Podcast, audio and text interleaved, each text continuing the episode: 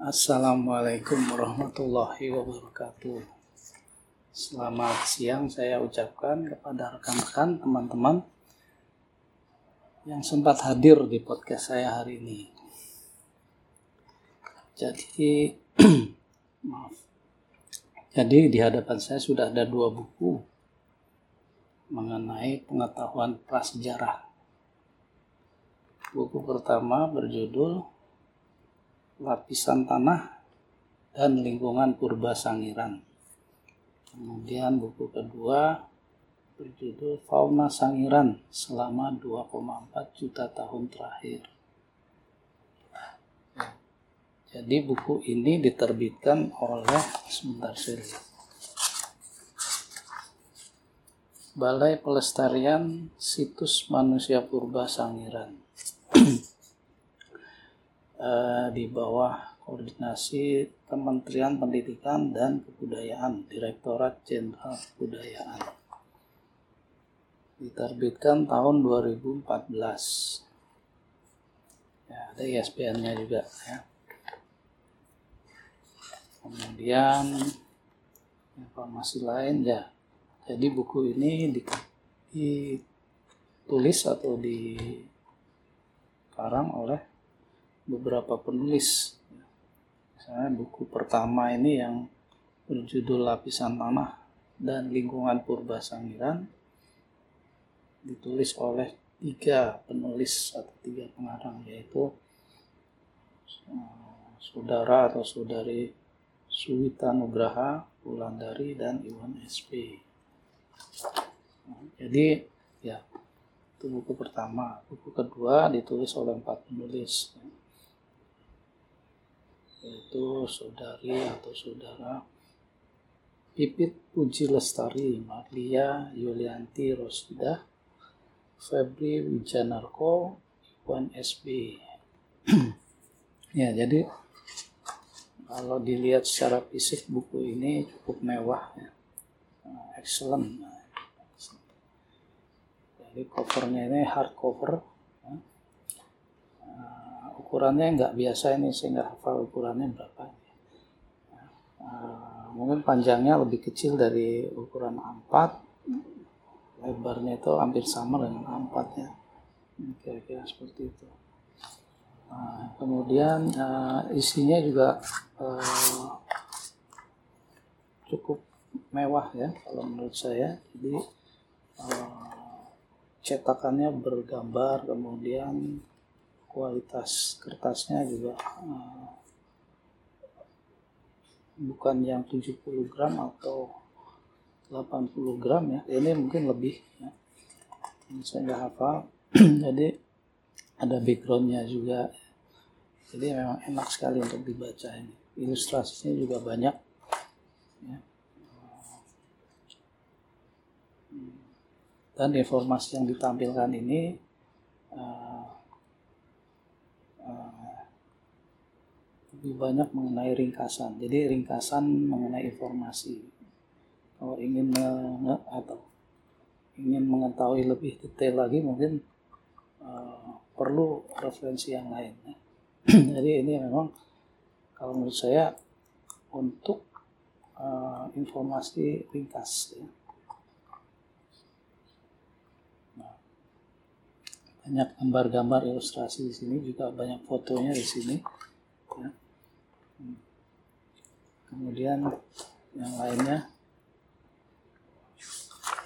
ya buku ini kedua buku ini ditulis tahun 2014 jadi untuk mempermudah mungkin saya bacakan uh, langsung saja ya dari buku ini uh, mengenai pendahuluan yang ada di buku kedua.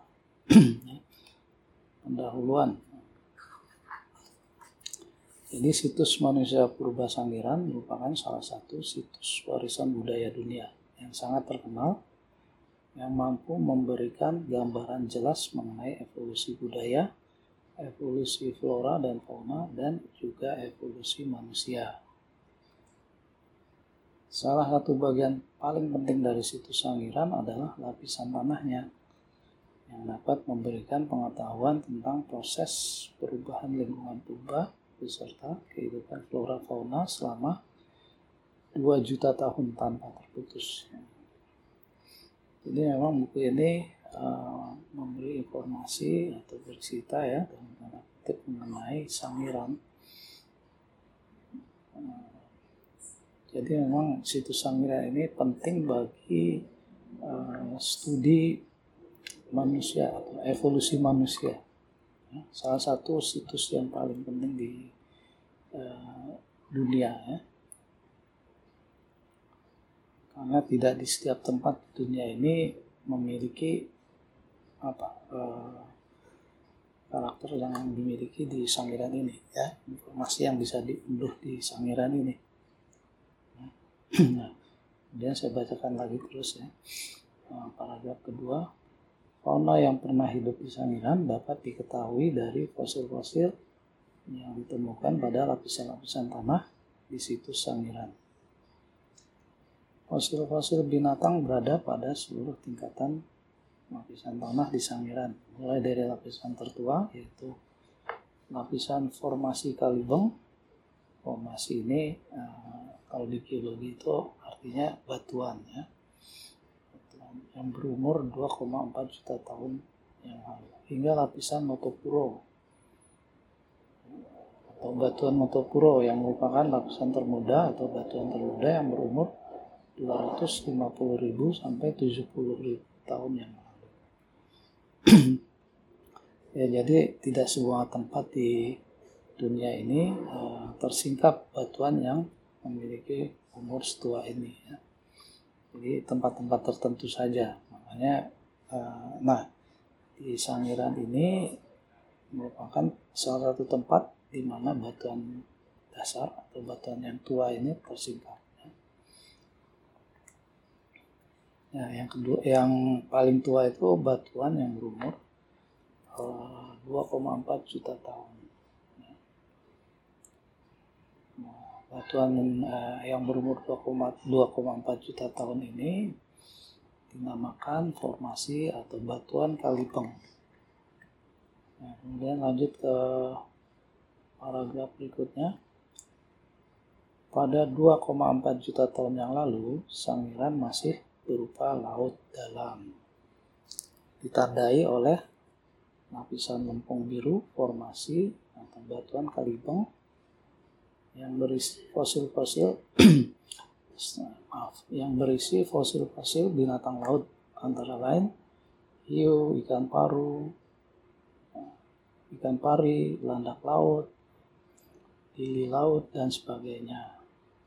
Pada sekitar 1,7 juta tahun yang lalu, Sangiran telah berubah menjadi lingkungan darat, yaitu rawa, yang dibuktikan dengan temuan fosil buaya. Binatang-binatang darat yang lain juga mulai menghuni Sangiran saat itu. Jadi dulunya itu Sangiran berupa laut, merupakan lingkungan laut. Bagaimana kita tahu bahwa dulu di Sangiran itu merupakan lingkungan laut? yaitu dari fosil-fosil binatang laut yang ditemukan di batuan atau litologi di Sangiran. Jadi binatang-binatang laut itu hidupnya di laut, makanya kita bisa uh, melakukan interpretasi bahwa dulunya Sangiran itu laut. Ya.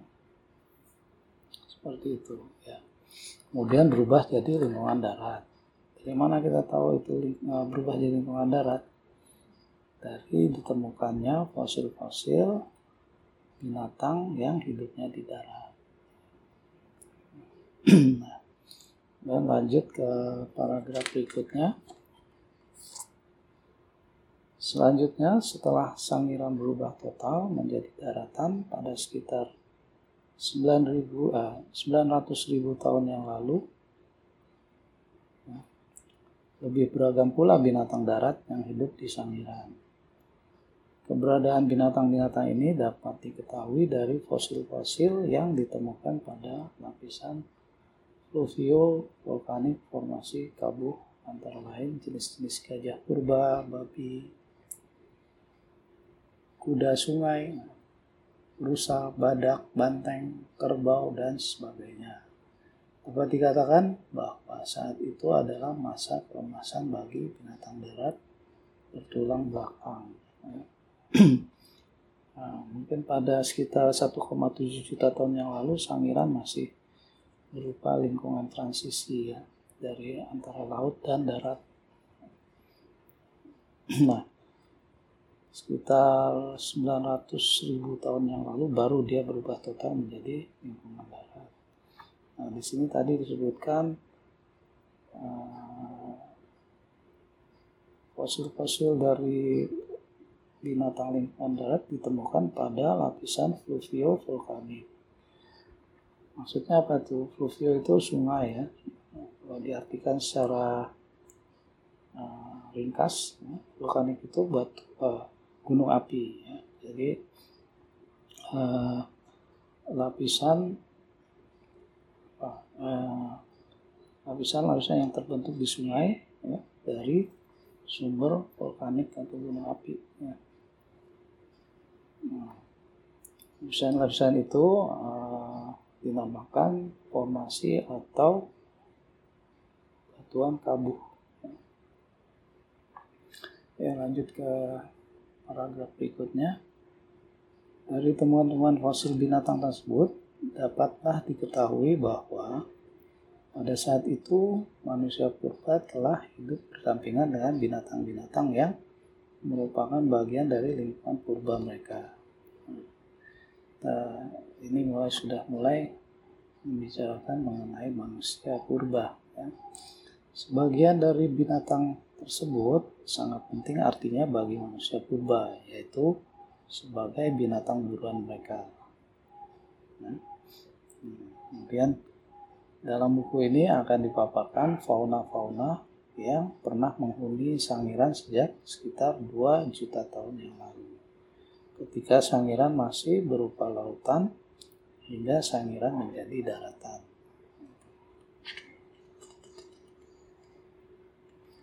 Ya, jadi di Sangiran ini uh, dulu sudah uh, dihuni oleh manusia purba, ya, sekitar 2 juta tahun yang lalu.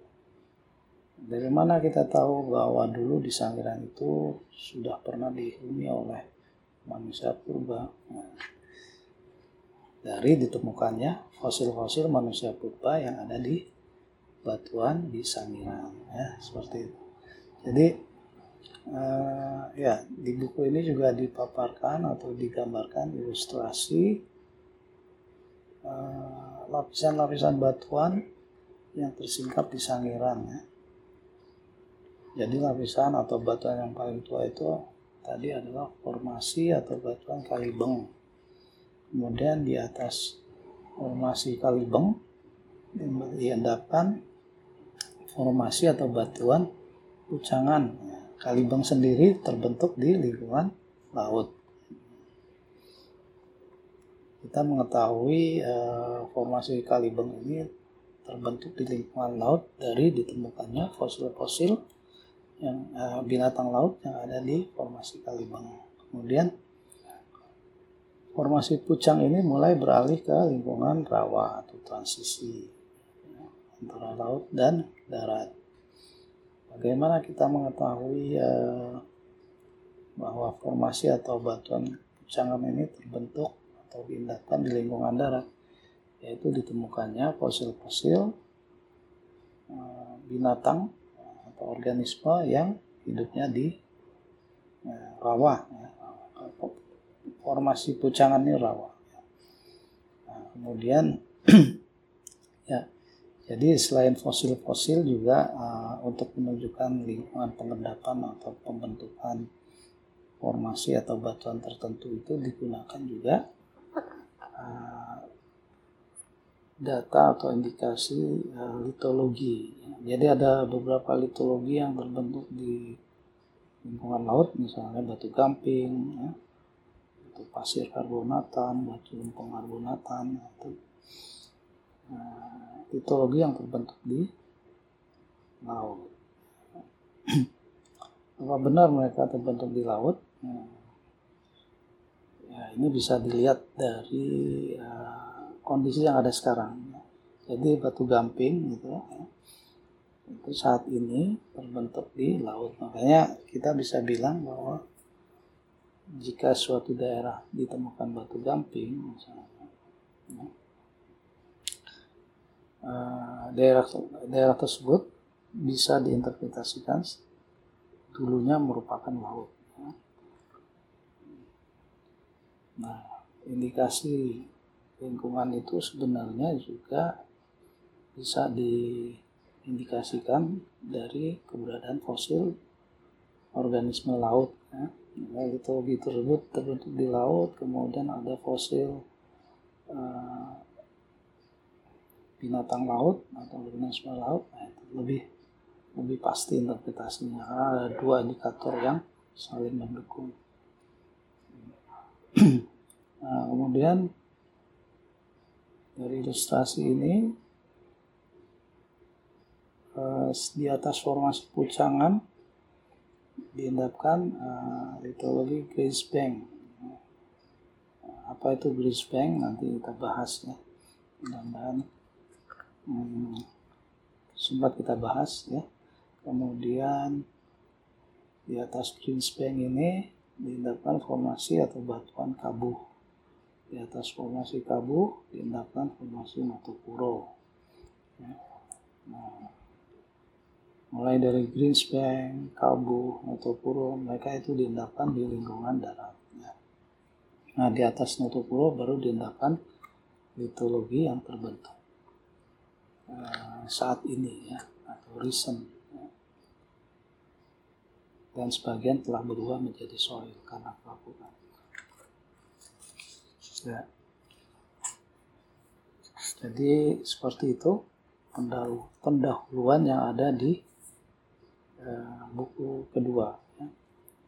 Di buku pertama malah tidak ada pendahuluan ya, langsung uh, informasi mengenai sangiran. Ya. Mudah-mudahan kita bisa ketemu lagi di kesempatan yang lain, di podcast yang lain.